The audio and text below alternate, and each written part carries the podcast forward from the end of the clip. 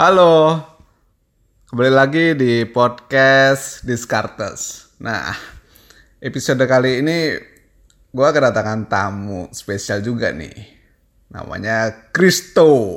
Dia seorang konsultan asuransi. Jadi spesifik banget.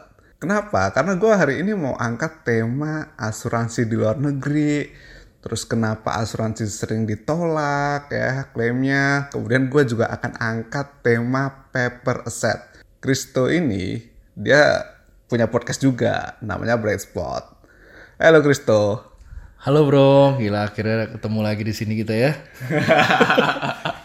nah kita akan mulai nih sekarang dengan topik pertama asuransi di luar negeri. Kenapa gue angkat topik ini? Karena banyak banget klien gue yang nanya nih kakanda sebenarnya asuransi luar negeri itu penting nggak sih terus gimana sih cara pilih asuransi yang pas nah makanya sekarang gue butuh banget bantuan lo Chris buat ngejelasin nih ke semua pendengar dari podcast Discartes silakan Chris Oke, kalau ngomongin tentang asuransi, sebenarnya Indonesia juga udah bagus kok. Oh, gitu? Sebenarnya. Hmm. Tapi memang asuransi itu kan ujung-ujungnya berhitung tentang namanya probabilita ya. Hmm. Tentang mortalita, tentang morbidita, itu bahasa-bahasa aktuari lah. Hmm. Nah, yang menjadi masalah, yang menjadi challenge negara kita nih, Hmm. satu, warga kita tuh kan jumlahnya ratusan juta. ya hampir 270 atau 300 juta Ya, gitu ya kakanda ya. Nah, sedangkan di luar negeri yang terdekat katakanlah yang paling sering orang Indonesia jajan polis itu Singapura.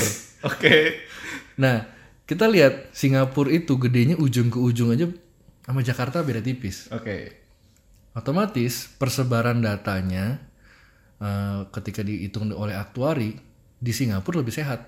hmm Satu itu, terus kedua memang kualitas hidup di sana, mana orang rajin pakai public transportation. Hmm. Di sini ya taulah sendiri gimana kondisinya. Terus eh, kita masih bisa menemukan di kota-kota besar bahkan di Jakarta di beberapa area orang makan yang nggak bersih. Maaf kata nih, saya gue sendiri pernah ngeliat ada orang maaf sekali lagi misalkan pengemis dia masih cari makan dari tempat sampah. Hmm. Ya memang memang situasinya seperti itu. Ya sedangkan di Singapura sejauh ini gue keliling-keliling di sana nggak pernah. Oke. Mungkin itu mempengaruhi yang namanya ujung-ujungnya preminya oke nah tapi kalau ngomongin Jadi premi yang di Singapura itu memang kemungkinan besar lebih low daripada Indonesia punya gitu ya. secara angka Secara angka. secara angka iya Ah. karena eh, secara angka dalam hal topiknya asuransi jiwa Oh, topiknya asuransi jiwa. Oke. Mm, cuma memang di di sana karena jumlah orang lebih dikit, resikonya lebih rendah, preminya tuh dengan angka yang sama bisa dapat benefit lebih besar di sana. Oke.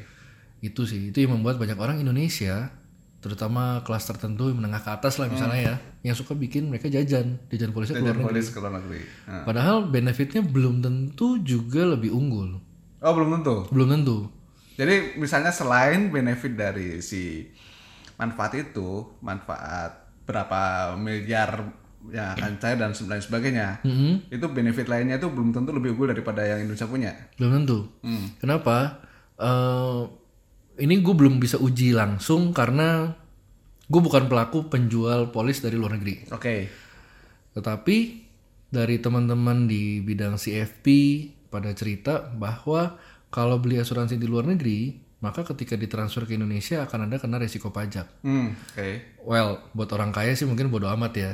Cuma kalau orang yang maksain jajan ke sana, Hmm. itu kan jadi challenge ter- ter- tersendiri. Hmm, oke. Itu kalau asuransi jiwa. Hmm.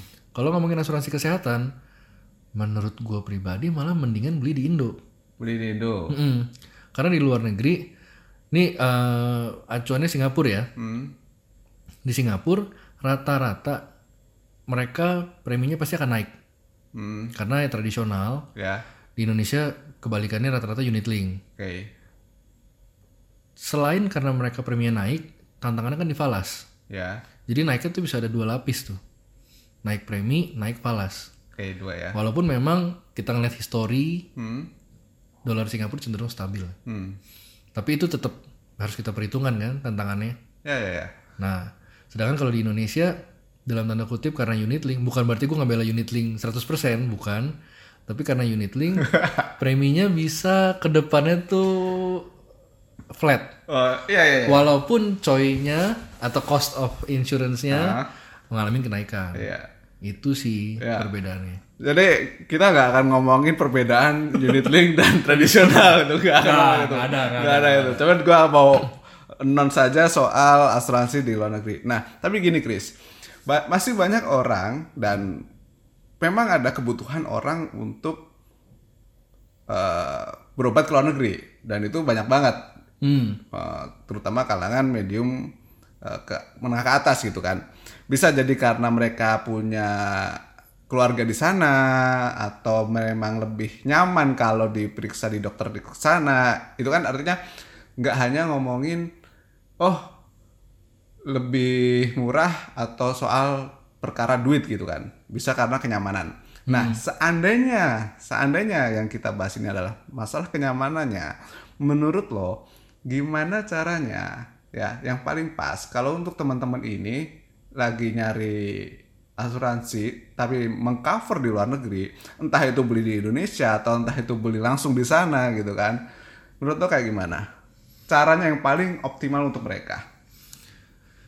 Gue nambahin nih selain tadi lebih enak buat mereka yang tadi lu yang tadi kakaknya bilang ada juga orang nganggap berobat ke luar negeri itu wisata. Oke. wisata medis. Jadi bukan cuma religi bukan cuma wisata religi ada wisata medis juga ternyata. Gitu ya. ada. Nah kalau ngomongin tentang milih asuransi kesehatan eh, sebenarnya concernnya cuma satu sih kenyamanan ya. Karena ujung-ujungnya tuh orang ketika sakit harus dirawat nggak mau mikirin duit. Oke. kan biasanya gitu. Terus kita ingin ditangani oleh teman-teman dokter yang juga emang pasien oriented gitu. Oke. bukan dari segi bisnisnya yang dia pandang. Nah, setelah kurang lebih 10 tahun gue di industri asuransi, ngurusin klaim dan lain-lain, memang banyak kisah bahwa eh, treatment atau cara dokter yang handle pasien di luar negeri itu lebih ramah, lebih talkative, Artinya artinya mereka bisa bikin nyaman nyaman lah. gitu ya. Oke. Ya- Jadi ya karena memang kenyamanan gitu kan, kenyamanan. itu.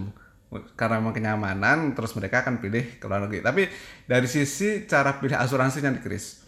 em, ada nggak caranya biar optimal? Artinya apakah lebih baik beli asuransi yang dijual di Indonesia tapi mengcover seluruh dunia atau kita beli aja langsung ke luar negerinya?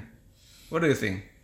Kalau gue prefer sih beli di Indo. Oke, jadi lo lebih prefer beli asuransi di Indonesia tapi memang mengcover let's say Singapura, Penang dan sebagainya gitu ya. Hmm, oke. Karena ujung-ujungnya eh gini deh, pada saat orang punya polis, ujung-ujungnya pasti mereka tuh nggak 99% nggak paham isi polisnya. Hmm, Dan ujung-ujungnya akan rely banget sama agentnya atau company-nya. ya. Kalau punya keluarga di luar negeri ya maybe itu quite a good option ya kalau beli di luar negeri. Tapi kalau nggak punya dan ujung-ujungnya cuma tahu di Indonesia, ingin di cover di luar negeri, ya mendingan beli di Indo. Hmm, Satu, eh, after salesnya mungkin menurut gua akan lebih aman. ya. Toh di luar negeri, sorry, toh di Indonesia eh, perusahaan asuransi yang jual asuransi kesehatan cover sampai tiga negara tadi, Indonesia, Malaysia, Singapura juga udah banyak banget. Banyak banget ya. Bahkan ada yang mulai cover Asia, Ya. seperti itu. Udah lebih aman dan dan pada saat orang sakit yang harus sampai treatment ke luar negeri, biasanya sakitnya udah agak-agak serius kan. Ya. Dan kalau karena udah agak-agak serius, mostly ke mana sih? Hmm, paling ujung-ujungnya Penang, Malaysia nih Ya. atau Singapura. ya. Ujung-ujungnya hanya itu. Karena kalau lebih jauh lagi biasanya bukan cuma apa bukan cuma berobat, Ya. wisata medis kali biasanya gitu. Ya, jadi memang favoritnya kalau orang sakit dan dirujuk ke luar negeri ya Singapura sama Penang sih emang. Mm-mm, kebanyakan gitu. Kalau kita ke Penang aja kan dalam pesawat isinya Ya. rata-rata orang sakit semua. orang sakit. Betul. Oke, jadi kalau untuk soal asuransi ke luar negeri itu ya, Ya, menurut gue itu yang gue bahas sama Kristo. Nah, selanjutnya gue mau mumpung ada si konsultan asuransi ini yang jarang banget ya.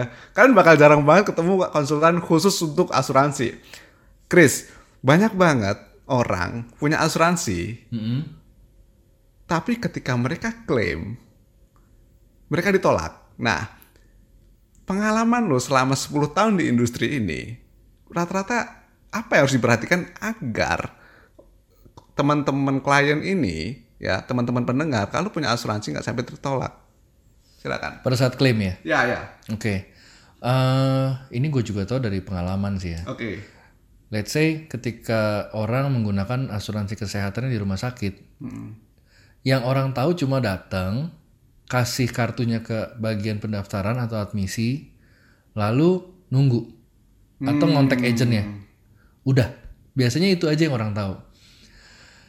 Banyak yang orang nggak tahu behind the scenes-nya. Oke. Yang terjadi di belakangnya adalah prosesnya nih, ketika mau check in ke rumah sakit, asuransi perlu tahu diagnosa awal. Hmm.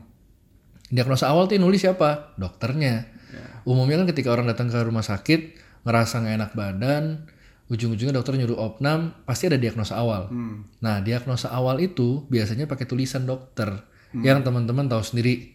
Nggak semua orang bisa baca, walaupun punya mata sehat. Oke, karena bahasa-bahasa medis lah. Oke, bahasa medis. Nah, bahasa yang diagnosa awal tadi, tulisannya tadi, itu mesti dikonversi menjadi kode. Mm-mm. Kodenya itu berlaku internasional, bahkan BPJS pun pakai kode ini. Hmm. Kode apa sih, Chris? Namanya ICD-10. Hmm. ICD lah, dokter tahu tuh kalau ngomongin ICD. ICD, International Code of Disease. Jadi ini adalah semacam alkitabnya dunia medis, Hmm. di mana satu penyakit itu udah punya kode khusus. Hmm. Sakit mata kiri, telinga kiri, telinga kanan, mata kanan itu beda-beda kodenya. Hmm. Dan satu kode akan mewakili serangkaian tindakan, akan mewakili serangkaian obat-obatan. Hmm. Kebayang nggak? Pada saat orang datang, didiagnosanya tipes, eh endingnya DBD. mungkin kan? Tapi kan mungkin-mungkin aja. Ya, mungkin, mungkin. mungkin Karena gejalanya mirip. Ya, ya. Nah, jika pas masuk dibilang tipes, pengobatannya tipes, eh ternyata ujung-ujungnya DBD, asuransi akan bilang, oh masih sesuai kok, kita tipes cover, DBD juga cover, ya wes kita bayar. No Tetapi problem ya. nggak no problem. Tapi apa yang terjadi kalau tiba-tiba eh, pas masuk penyakitnya katakanlah DBD, tapi treatmentnya ada hubungannya eh, cek jantung. Wah, jauh banget. Tapi pernah loh, Pernah ya? pernah. Oke. Nah, ini analisanya kenapa itu sempat sempat ditolak. Tapi ternyata eh, si dokter yang menangani pasien bilang bahwa pasien ini punya darah tinggi. Kalau dia kasih obat, kebetulan ini orang tua nih, umur hampir 60-an kalau gua nggak salah ingat. Kalau dia kasih obat yang tiba-tiba membahayakan darah tingginya, kan bahaya. Makanya dia mau cek jantungnya dulu. Oh, gitu. Padahal DBD. DBD itu tipes gitu. Jadi cuma kan nggak ada, hubung- nggak ada hubungannya. Ya, tapi demi keselamatan itu ya. Karena keselamatannya dan masih alasannya masuk akal, asuransi cover ujung-ujungnya. Nah, jadi yang orang sering nggak tahu adalah behind the scenes-nya itu. Kenapa bisa ditolak? Karena bisa jadi ditulis kode diagnosa itu ditulis oleh siapa? Suster. Mm-mm. Maaf kata nih kan kadang-kadang delay itu bisa terjadi, miskom bisa terjadi namanya Proses ini ya. di proses belakang layar yang banyak klien nggak tahu. Susternya nulis atau bisa jadi disubmit ketika disubmit ke asuransi tidak ada kodenya. Ujung-ujungnya nulis kodenya siapa? Dokter asuransi. Oh, Apakah salah? Nggak ada yang bisa disalahin. eh, Karena dokter juga nggak hafal, bukan kerjaan dia tiap hari ngeliatin kode-kode itu. Suster juga nggak hafal, suster juga mungkin mesti buka contekan dan lain-lain sih. Jadi sebenarnya kemungkinan besar hanya karena miskomunikasi gitu ya. Biasanya. Biasanya karena miskomunikasi dari diagnosa awal sampai ending masuk ke asuransi gitu ya. Mm. Oh, alright. Ujung-ujungnya sebenarnya asuransi cuma ingin tahu, oh klien X ini dirawat karena penyakit apa sih? Mm-mm. Diagnosanya apa sih? Treatmentnya seperti apa? Obat-obatannya apa? Kalau semuanya sesuai ketentuan polis, pasti di cover. Ya, kalau misalnya gini, apa sih yang ini kan berarti di luar kuasa si pasien kan? Betul. Di luar kuasa si pasien. Karena ya udah proses bisnis berjalan seperti biasa kan gitu kan. Nah, apa sih yang bisa dilakukan sama si pasien? Apakah misalnya kalau misalnya habis berobat terus disimpan ini itu tetek bengeknya atau lain sebagainya dari sisi administrasi apa yang bisa dilakukan sama pasien agar meminimalisir terjadinya eh, gagal bayar oleh asuransi atau memang tidak ada yang bisa dilakukan Kalau ngomongin asuransi kesehatan kan biasanya ada dua cara untuk klaim. Yang pertama uh, cashless, udah udah common nih. Ya. Dan yang dari zaman dulu bahala adalah reimbursement. masih masih kaman juga ini Masih common dari zaman bahala itu sampai sekarang. Nah, kalau ngomongin cashless itu pasti hubungannya ada ketika orang check in tadi, check in rumah sakit, ada yang namanya surat jaminan awal. Teman-teman perhatiin di setiap asuransi, surat jaminan awal itu pasti wajib terbit ketika orang harus dirawat. yes Surat jaminan awal di situ tertulis kode diagnosanya. Yang mungkin lagi dengerin lagi dirawat, silahkan dibuka itu contekannya. nah, nanti pas pulang itu juga ada namanya surat jaminan akhir. oke Yang bisa kita lakukan hanya memastikan kalau ditolak nih, kan ujung-ujungnya pada saat pulang kita Ya. baru tahu ditolak apa enggak. Surat jaminan akhir sama surat jaminan awal itu sesuai atau enggak. oh Karena kalau surat jaminan awalnya di cover, di situ tetap tertulis tidak menjamin endingnya itu di cover. yes Makanya keluarga pasien atau penanggung jawab pasien tetap tetap harus tanda tangan surat eh, pernyataan kan. ya Kalau ada yang nggak di cover, wes bayar sendiri. ya Nah, kalau reimbursement, nah itu mesti memastikan pada saat si dokter ngisi form dari asuransi, mesti diisi dengan benar, oke. Sejujur-jujurnya, sebenar-benarnya, sejelas-jelasnya. oke. Kalau nggak ada ya, nggak ada dokter tuh yang kalau nggak ada dia nggak isi, dia kosongin aja. Harusnya dokter tulis tidak ada atau strip, paling nggak ada coretannya di situ. Ada coretan dari dokter. betul. Betul betul betul. Oke itu soal asuransi kesehatan ya terus gini ya kita tahu lah asuransi kesehatan CI terus asuransi jiwa itu kan yang sering banget ditanyain sama teman-teman ya kan menurut lo Chris untuk orang biasa itu mana dengan keterbatasan uang mana dulu yang mau diutamakan Em, tiap orang nih profilnya beda-beda sih. Betul. Karena ada orang yang katakanlah ada seseorang yang nggak butuh asuransi jiwa. Kenapa? Ih, dia nggak punya tanggungan. yes Nggak ada orang yang dalam tanda kutip merasa rugi kalau dia pergi dari dunia. hmm. Ya kan? Lo senyum-senyum ngeliatin gua. Kagak. Abis itu kemarin naik gunung nih. Oke, terus terus. Naiknya naik gunung nggak tanggung-tanggung lagi. Nah, eh, ada orang-orang yang katakanlah dia belum belum belum punya tanggungan tadi, makanya asuransi jiwa ya nggak perlu-perlu amat. Ah, Tapi jika dia sudah punya tanggungan, katakanlah ada cicilan. ya, Karena kalau cicilan nggak dibayar kan utang jatuh tempo, ya. akan ke keluarganya. Hmm. Eh, menurut gua, kalau orang masih belum ada tanggungan tadi, yang paling pertama masih dipikirin asuransi kesehatannya. Oke, asuransi kesehatan ya. Mm, kenapa kalau dia nggak punya asuransi kesehatan, kalau amit-amit dia harus dirawat, dia akan ngerepotin orang dong. Betul. Udah nggak punya siapa-siapa ngerepotin orang kan pusing dong. Kebayang tuh pusingnya. Mending kalau ngerepotin orang cuma minta bantuin temenin. Tapi kalau minta bantuin ngutang dan bayar buat bayaran rumah sakit Ribet. Ribet. Ribet. Itu. Eh, berikutnya kalau dia sudah berkeluarga atau punya tanggungan, minimal asuransi jiwa dan asuransi jiwa itu murah banget men. Yes. Asuransi jiwa tuh murah banget. Ada yang sifatnya term life, ada yang whole life, ya kan? Itu itu murah lah, nggak nggak mahal. Lalu berikutnya CI. Nah CI ini kepake buat apa sih? Banyak orang bilang, kan gue udah di cover Chris sama asuransi kesehatan dari kantor atau personal gue udah punya. Buat apa asuransi CI lagi? CI atau critical illness, banyak orang miss. Karena memang sifatnya cuma santunan kan. Ya. Kebayang nggak ada orang lagi KPR nih, lagi KPR. Kalau orang KPR, tanda tangan kontrak banknya apa? Asuransi jiwa kan. Jadi artinya kalau dia meninggal pada saat lagi proses masa KPR, Ada yang ini. meninggal maka cicilannya lunas. Hmm. Ya dia udah pindah dari dunia ini, cicilannya lunas, ya rumah itu jadi milik keluarganya. Yes. Everyone's happy. Kebayang nggak kalau tiba-tiba dia kenanya critical illness, kenanya penyakit kritis, masih ngutang, kena penyakit kritis, cenderung kerja susah dong, Kerja susah. kerja atau bisnis susah. Habis itu asuransi KPR juga nggak cover, Ya.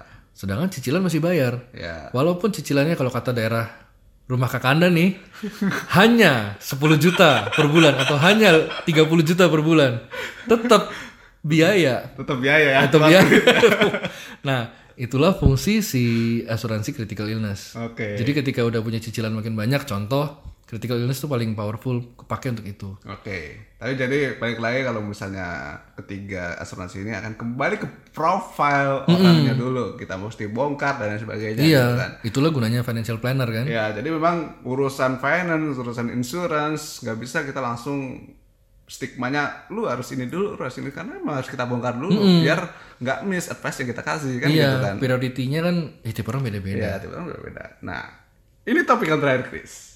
Paper asset. Sebenarnya kan eh, kalau gue bilang ini eh, produk lama juga, ya kan. Cuman lagi didengung-dengungkan lagi nih di industri ini, ya kan. banyak orang banyak orang miskom lagi Banyak orang miskom lagi soal paper asset ini. Nah, lo berhak nih ngomong di sini nih. Silakan guys, paper asset. paper asset eh terutama banyak kasus kan belakangan ya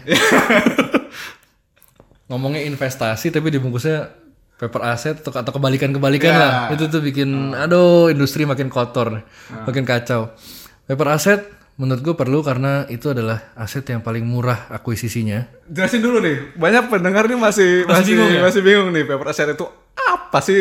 Makhluk apa sih ini gitu kan. Oke, paper asset kalau dalam dunia financial planning itu masuknya sebenarnya satu asuransi jiwa. Ujung-ujungnya itu.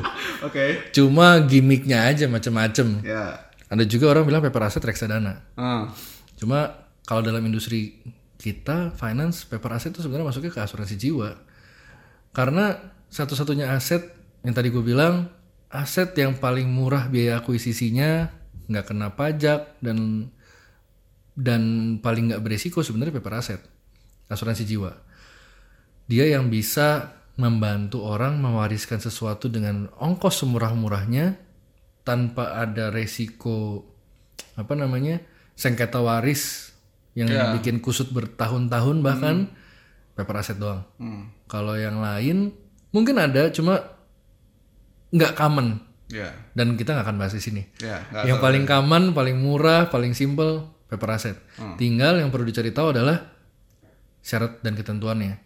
Karena ada ada beberapa asuransi yang bunuh diri di cover loh. Oh ya. Ada Hmm. bunuh diri di cover asalkan bunuh dirinya berhasil dan polisnya berusia lewat dari 2 tahun. Kalau lewat dari Tapi ini gak ngajarin orang bunuh enggak, diri ya. enggak, Enggak, ini cuma informasi aja. Ini informasi aja bahwa itu common. Cuma banyak orang karena saking commonnya atau mungkin di gimmick-gimmickin aneh-aneh sama pelaku di industri, jadinya ya jadi sesuatu yang kayaknya ribet gitu. Ya. Padahal mah enggak. Asuransi jiwa ya asuransi jiwa. Ketika dicampur sama investasi ya makin aneh-aneh lagi. Apalagi kalau investmentnya dinilai rate jaminan pula. Ya. Udah makin aneh-aneh lagi deh itu. Apalagi jaminannya nanti ada fixed rate lagi. Itu Ada, ah, udah, lagi. ah, ah. ada dalam berapa bulan terakhir sebenarnya udah dari tahun lalu juga udah muncul, udah muncul. Katakanlah kita buka polis nilainya 1 m Ah. asuransi jiwanya, tapi preminya juga 1 m. Woi. Ada, ada. Tapi eh, ada yang menjanjikan investment rate-nya itu pasti itu yang ngeselin. Ya, itu udah udah melewati batas lah. Ah, tapi ada juga di industri itu yang gue tahu. Tadi preminya 1 m, kalau meninggal ya 1 m. Tetapi di kerjanya kayak reksadana, kerjanya kayak kerjanya kayak reksadana. Hmm. Artinya ya ini strategi mitigasi seseorang aja ya. Kalau dia taruh di reksadana kan kekunci itu kalau meninggal. Ya. Karena mesti cairin dulu ke bank dan banknya udah freeze takutnya. Kalau ini nih dia taruh reksadananya di dalam bentuk polis asuransi, asalkan kinerja investasinya ngikutin reksadana, Ya. nggak nggak fix rate. gitu. Ya di di digimikin aja lah. Mm-mm, digimikin aja itu Gimikin aja. umum. Tapi banyak orang ya sering salah kaprah. Itu yang kasihan sih. Ya. Jadi tepatnya harus harus dibongkar lah ya. Mm-mm. Oke Chris, thank you banget udah ngisi podcast di Skartes. Buat teman-teman bisa dengerin juga podcastnya Doi di Bright Spot. Salah seorang konsultan di industri asuransi. Jadi kamu akan belajar banyak banget dari Kristo tentang bisnis asuransi. Ntar gantian ya, lu jadi narasumber Iya, juga. yeah, no problem. Thank you banget bro. Oke, Itu sementara yang bisa gue kasih buat teman-teman semua. Ketemu lagi di podcast Discartes episode selanjutnya.